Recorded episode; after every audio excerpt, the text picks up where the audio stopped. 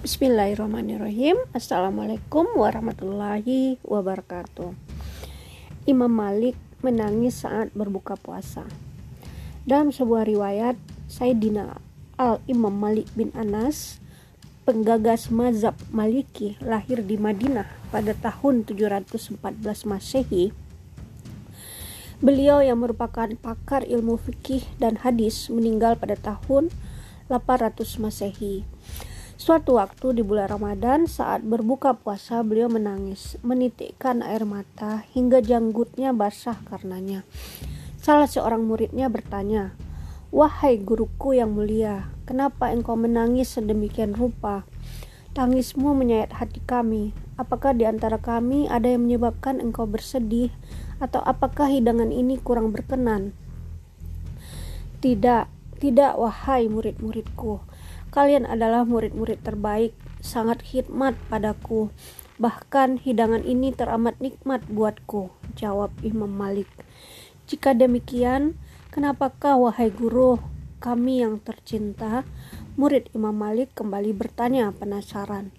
Suatu ketika aku pernah berbuka puasa dengan guruku, Saidina Al-Imam Ja'far As-Shadiq, cucu baginda Rasulullah Shallallahu alaihi wasallam. Ketika berhadapan dengan hidangan yang begitu nikmat layaknya makanan saat ini, beliau terisak menangis. Wahai Ibnu Anas, ketahuilah bahwa Rasulullah terkadang berbuka hanya dengan tiga buah kurma dan air saja. Namun beliau sangat menikmatinya dengan penuh syukur. Bahkan sering kali Rasulullah hanya berbuka dengan sebutir kurma yang dibagi dengan Aisyah. Tapi sungguh beliau merasa sangatlah nikmat. Beliau menyedikitkan santap sahur dan berbuka, tapi sebaliknya sangatlah banyak dalam beribadah dan bersyukur. Pun beliau senantiasa mendoakan kita sebagai umatnya yang padahal selalu abai kepadanya.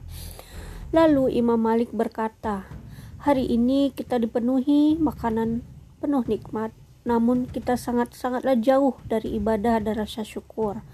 Dan tahukah kalian, setelah beliau menceritakan ihwal berbuka Rasulullah, ia seketika tak siuman karena berat hati mengenang Rasulullah Shallallahu Alaihi Wasallam. Tak lama ruangan tersebut menjadi penuh haru. Isak tangis penuh kerinduan mengumandang kepada Rasulullah. Allah, Allah, ya Rasulullah.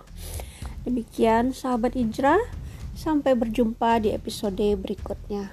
Alhamdulillahirobbilalamin. alamin. Assalamualaikum warahmatullahi wabarakatuh.